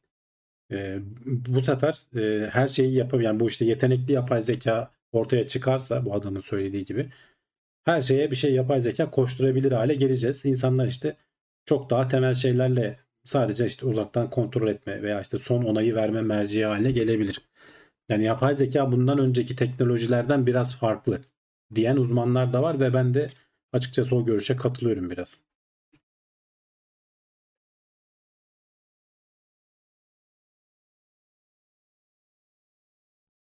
Canımız sıkılırsa Matrix'te Kung Fu yaparız. O da bir gelecek evet. Evet. Yani Matrix'te Böyle. kafana doğrudan yüklüyorlardı. Burada işte sen Kung Fu öğrenmeyi bir amaç haline getireceksin. Sıkıntını öyle yatıştıracaksın. Kung Fu'yu öğrendin mi sıkıldıysan işte ne bileyim yamaç paraşütüne saracaksın falan yani bir şeyler bulacaksın. Sonuçta geçim derdi işte okul derdi bilmem ne falan olmadığı bir dünyada böyle şeylere saracaksın. AirPods'a ne oldu abi kabloya geçmişsin demişler. Ya AirPods bazen e, kopuyor konuşurken. Hmm, buradaki herhalde USB daha doğrusu Bluetooth dongle'ım e, çok iyi değil. Yenisini sipariş verdim. O geldikten sonra belki AirPods'a geri döneceğim.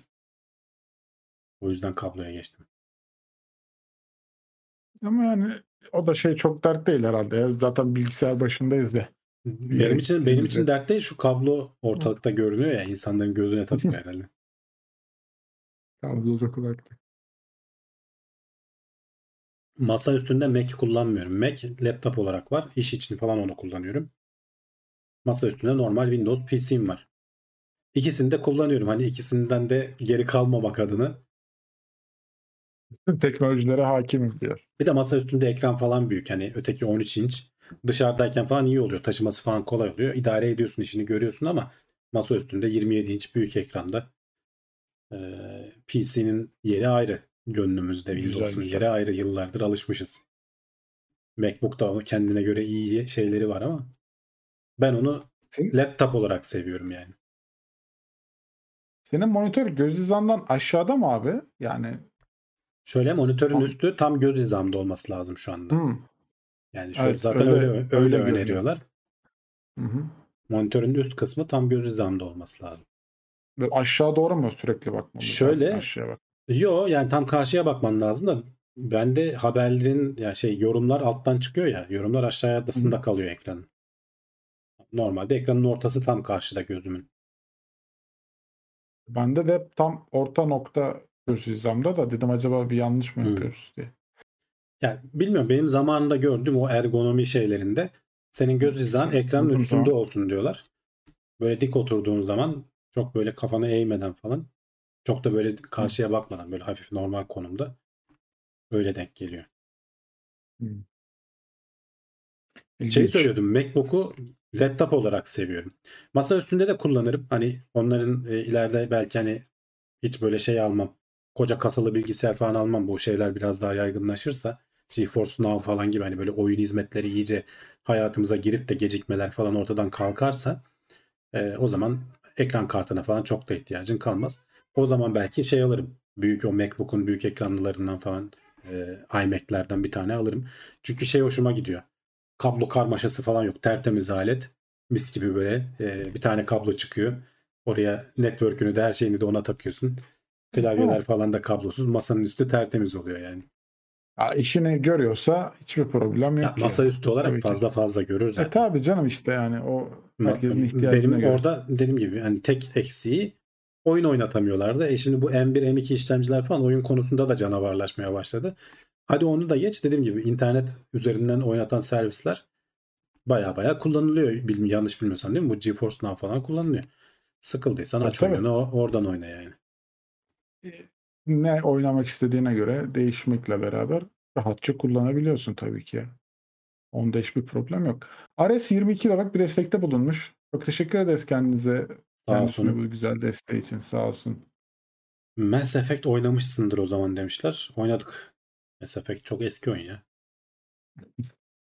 Ama ben Güncellerle gelin. ilk ilkini oynadım. Sonraki serilerini oynamadım. Mesela ikinci, üçüncüyü oynadım hatırlamıyorum. Üç, üç tane var değil mi Mass Effect? Sonra Ben bir de bir tane daha çıktı hakim mı? değilim. O seriye hakim değilim. Mavi bir uzaylı var. Onunla seviştiğimi hatırlıyorum Mass Effect'te. Böyle saçlı maçlı falan. Mavi uzaylı severim dedi. Yani şey seçebiliyordun. İki, iki karakter seçebiliyordun. İnsan oyunun bir alanında öyle bir şey geliyordu. İnsanı mı seçeceksin, uzaylıyı mı? Ulan dedim oyunda da insan seçecek değiliz. Bana ver uzaylıyı Evet. dedim. o da güzelmiş. Hamdi abi Avatar seviyor. Evet. Avatar ama gene hala bayağı insana benziyor. O bayağı bildiğim böyle gene insana benziyordu da ahtapot gibi şeyde böyle biraz Medusa gibi saçları var. Yani seneler önce ya 20 sene olmuştur belki Mass Effect 1'in çıktığı tarih. İlginç. Bilemedim. İşte insanlar bunlara saracak mesela. Bu oyun konusu çok alacak başına gidecek. Biraz daha böyle işte içine alan şeyler oralarda mesela hedefler tutturmaya çalışacaksın. Senin belki hayatının amacı o olacak. Bazılarının hani herkesin değil de bazıları onu önemseyecek mesela işte. Asari ırkından da demiş bak Mefail. Evet doğru hatırladım. Asari'ydi. Bak insanların gönlünde yer etmiş Volkan sen güldün ama Abi yok ben insan gene her zaman insan tercih ederim herhalde ya. Hiç dur bakayım. Asari diye bir Uzay- arayayım. Da. uz- uzaylı tercih etmedim. Evet bak fotoğrafını da Öyle mi? bulursam göstereyim şöyle bir şeydi. Masaüstü duvar kağıdı ya bağlı. Sen belli ki biraz şey yaptın. Hatırlattım. Asari ablaya. Asari ablaya evet biraz yükseldin tekrar. Abi hepimiz geçtik o ablanın yolundan diyor. Kimmiş bu ya dur merak ettim ben Dur, de bir pay- bakayım. paylaşıyorum. Asari Mass Effect diye bakalım. Şu işte bu herhalde ama sonraki oyunlardaki Ha. o kadar da uzaylı gibi de değilmiş aslında ya. O kadar çekici de değilmiş bu arada. Yani Canım bu, bu, bu fotoğraf öyle canım yani. O zamanlar oyun motorları o kadar süper değildi Volkan. Şimdi Unreal'la şey neler, miydi o zaman? neler neler yapılıyor şimdi. Anladım hocam. Yok ya ne bileyim bilemedim. Asari Severler Derneği'ni de kızdırmak istemem ama bana gelmedi. Canım zaten o yüzden oyuna muhtemelen insan mı Asari mi diye seçenek koymuşlar. Herkese gelmiyor demek ki. Değil mi? Evet evet. Tamam çirkinleşmeyelim. Tamam.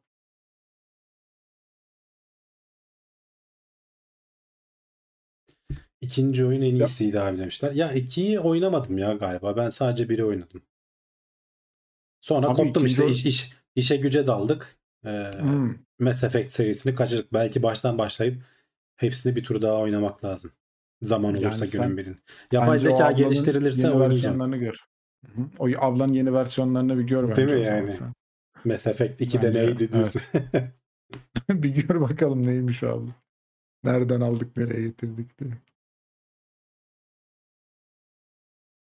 Bak üçleme olarak çıktı. En son Legendary Edition diye. Evet işte yani bir ara e, dediğim gibi yapay zeka benim görevlerimi devralıp yaparım ben derse ben de Mass Effect'ti işte ne bileyim diğer oyun serileriydi onlara geri dönebilirim.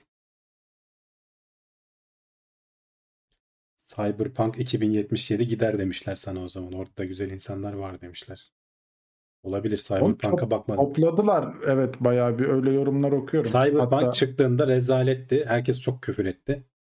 Hı hı. Ee, benim de zaten zamanım yoktu. Hiçbir daha da dönüp bakmadım. en son şeyi okudum. Steam'de yorumları onların normalde bir kategori kategori oluyor en son çok olumlu versiyonuna çıkmış yani Hı. bütün yorumlar. İyi. Toparlamış. Hani ne? oradan evet, Kaç top- sene oldu? toparlandığına dair. 4 yıl sonra diyordu haberde. Ben ne zaman çıktığını tam hatırlamıyorum ama E, tamam işte yani. Bilemiyorum. Benim, beni içine almıyor. O tür oyunlar o yüzden çok bir şey diyemiyorum. Belki ileride. Ben daha Red Dead Redemption'ı bile bitiremedim yani. Yarıda bıraktım öyle kaldı. Ya şeyler çok acayip bir yere gitti. İşte bu Unreal'ın yeni motorlarının demolarını falan bakıyorum. Ulan çok gerçekçi ya. Çok inanılmaz görüntüler yani. Değil mi? Doğa, doğa görüntüsü, o arabanın üzerindeki yansımalar bilmem neler falan. Yani yarın bir gün film çekmeye gerek kalmayacak yani. Adam senaryoyu yazıp animasyonu çakacak. İzleyeceğiz hep beraber. Şimdi şeyler falan kızıyor ya Hollywood'dakiler gene kazan kaldırmış oyuncular. Bunlar bizim sesimizi, görüntümüzü dijitize ediyor yapımcılar. Ee, bu hakları istiyorlar falan filan. Yarın bir gün bizi devreden çıkarıp tamamen şey- şeyle ne denir sanal dünyayla dizileri falan yürütecekler diye ayaklandılar.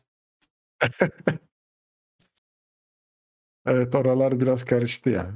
Orada teknoloji gelişti yani. Yapacak bir şey yok.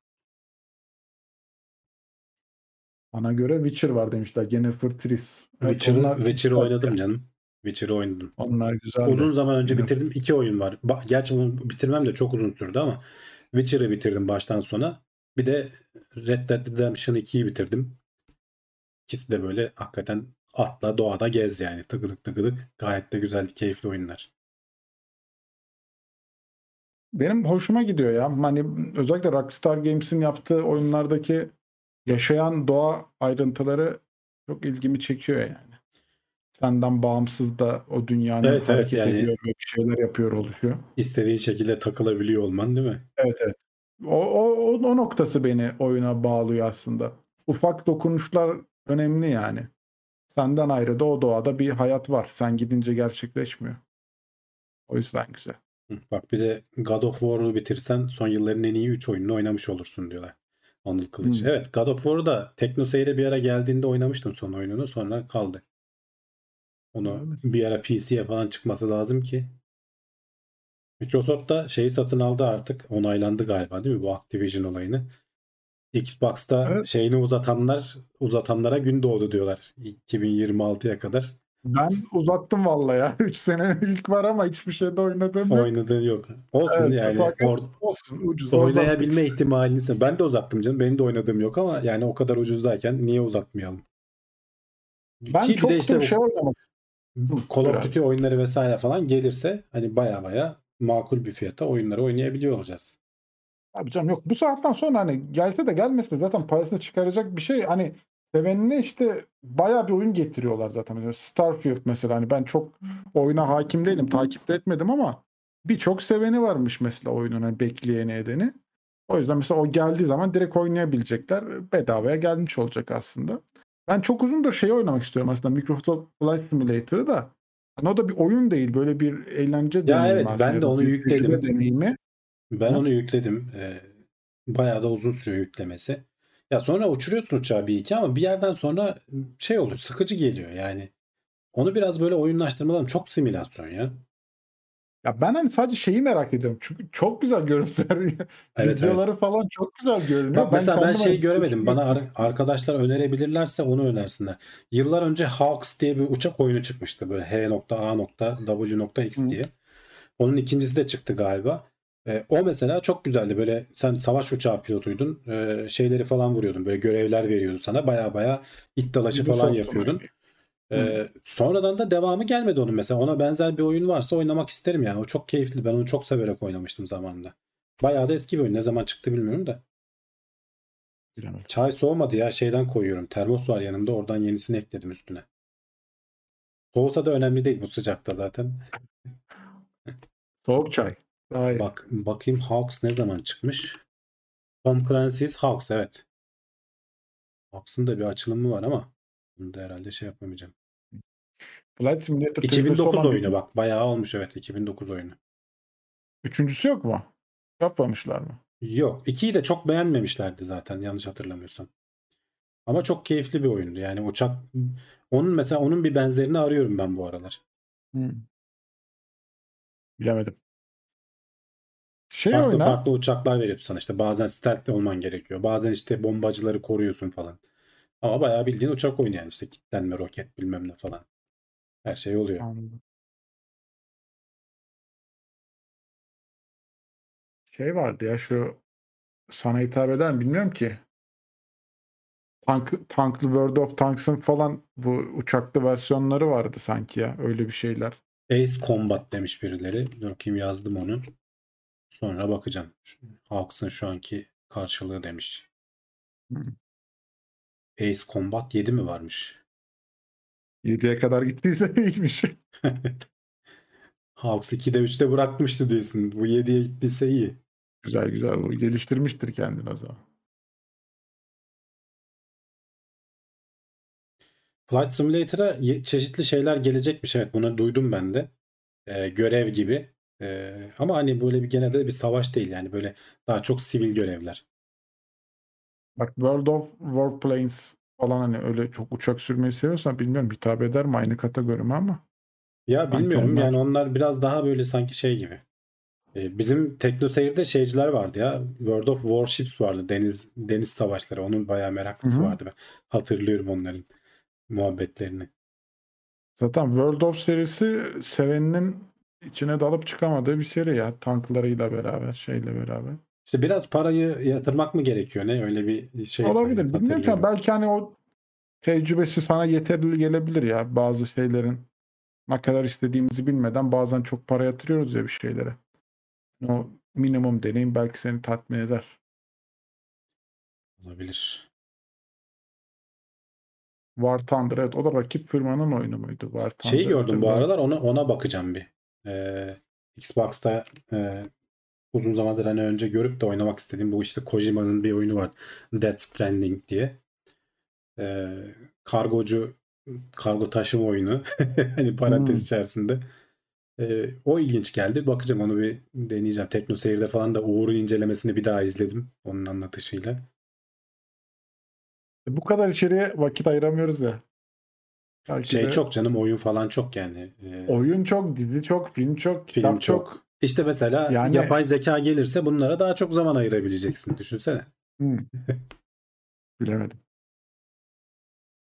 Daha çok turnuva olacak. Şampiyonlar Ligi senede belki daha fazla olacak.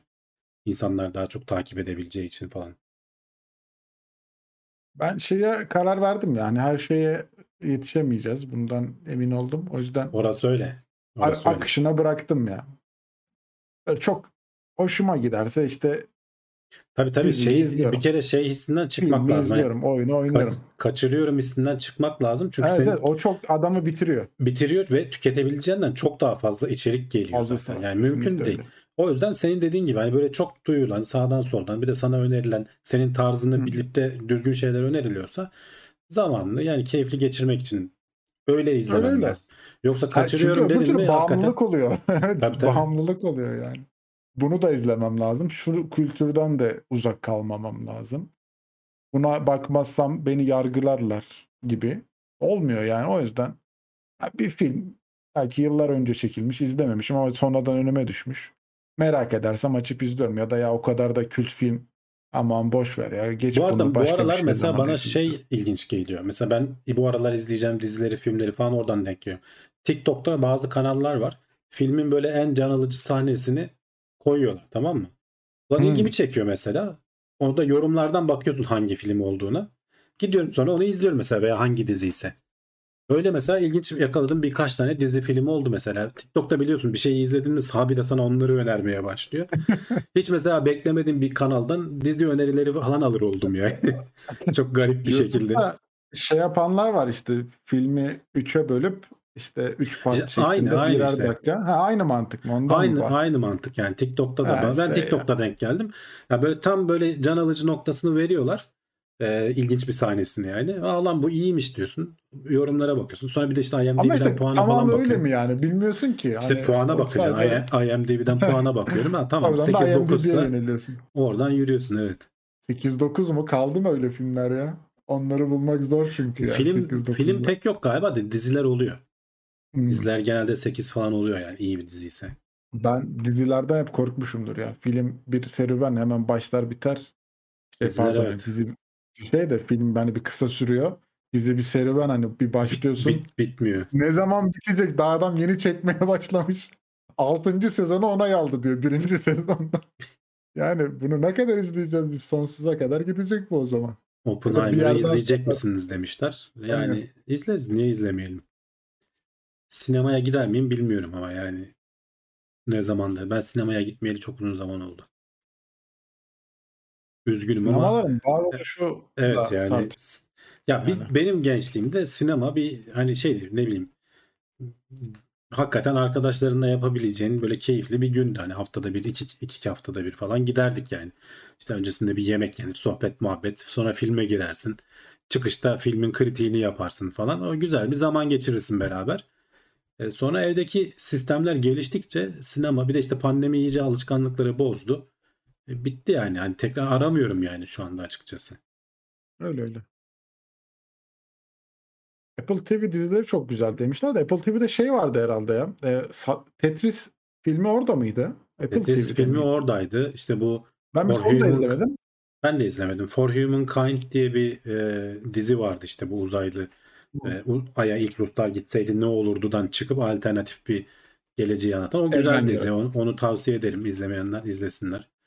Yani böyle full bilim kurgu değil. E, biraz astronotların hani duygusal şeylerine falan da eğiliyorlar ama sonuçta güzel bir dizi. Yani ayakları yere basan bir e, bilim kurgu.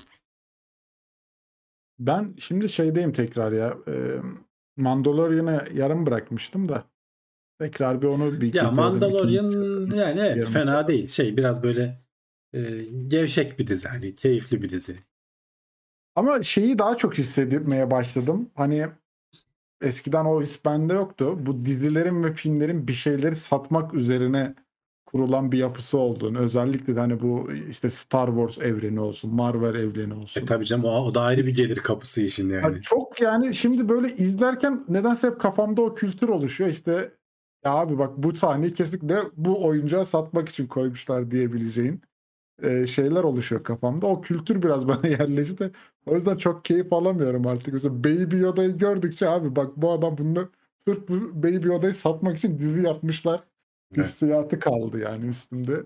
O şekilde izlemek mecburiyetinde kaldım. Ama o da çok sevimli ya hakikaten. yani, İşte ama hani diyorum ya harbiden o yüzden satıyor adamlar. Evet. O yüzden yapıyor yani. İşte Bak Semih- Semih Arıkan demiş ki Foundation'ın yeni sezonu başlamış. Keşke hepsini bir anda verselerdi. Beklemek zor olacak. Ya hakikaten öyle oluyor. Şimdi izliyorsun Bilmiyorum. bir sezonu böyle güzel dizilerden. Ulan bir senede ben unutuyorum yani. Ondan sonra bir daha hayda en başa dön ne olmuştu. En sevmediğim, en nefret ettiğim şeylerden biri bu. Yani aradan bir, bir sene çok uzun zaman. Bir de başka diziler izliyorsun. Siliniyor gidiyor kafandan yani hiçbir şey kalmıyor. Öyle ya. Çok ara veriliyor yani. Bir Adı, de Be- şeyde sıkıntı. adı. Baby Yoda değil Grogu bu arada demiş Uğur. Evet Bak yani. bak, hayranları hemen şey yapmış. Ama o da spoiler. ileride söylüyorlar çünkü adı aslında. Normalde Baby Yoda. İkinci sezonda falan adı belli oluyor sanırım. Evet evet. Ee, şey değil e, bilemiyorum yani o işte satılıyor da sırf bu yüzden adam belki diziyi bedava çekse dağıtsa daha çok satış yapacak. Değil mi yani oyuncaklarından daha çok Yani. belki kar edecek. Öyle. Kesinlikle öyle. Tamam.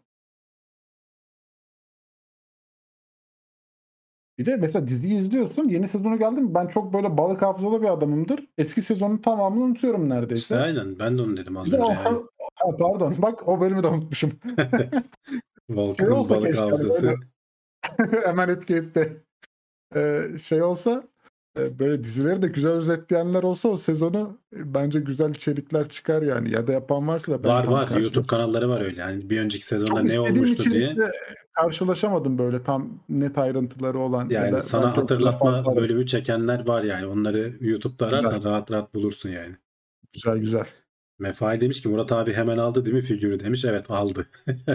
Zaten şeyde almış, Yayınlarda e, kullanıyordu. yayınlarda evet o bebek Yoda'yı görebilirsin.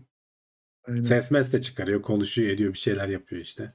Sevimlilikler falan böyle bir hınzırlıklar. Westworld unutma olayı yüzünden yalan oldu sanki demişler. Evet iki senede bir de o. Ki bence çok güzel de bir diziydi. Sonradan hani çok da sapıttı dediler ama Ya Başlangıcı ilk, ilk film çok bölümdekinden başka yere kaydı biraz. O yüzden hani ilk sezondaki şeyden bambaşka bir yere kaydı dizi. Bir de araya işte zaman girince uzayınca olmuyor yani. Ama yani Westworld benim kafamda kurduğum ütopik dünyayla çok e, Evet evet uyuşan yani. bir, bir dizi. Yani Ya kötü çok bir dizi değil izlenir yani kesinlikle. kesinlikle. Bir de insan hani keşke o karakterin yerinde ben olsam hissiyatını yaşıyor yani. Adamlar farklı bir evren yaratmış. Hele bir de İçinde yani bir- şey e, dizi sonlandı artık şimdi. Baştan sona otur izle yani. Öyle öyle. Nasıl başladı nasıl bitti dediğimiz dizilerden biri oldu herhalde o da. Tamam bu Neyse. hafta da yapay zekamızı da konuştuk. Dizilerimizi Dizileri, de konuştuk. oyunlarımızı da konuştuk bugün. Oyunlarımızı da konuştuk. Haftaya bakalım neler bekliyor olacak bizi diyelim. Gidelim mi? Gidelim saatte geldi zaten. O zaman Hafta, herkese haftaya bir aksilik çıkmazsa burada oluruz gene. Evet. Kendinize çok iyi bakın. Görüşmek üzere. Hoşçakalın. Hoşçakalın.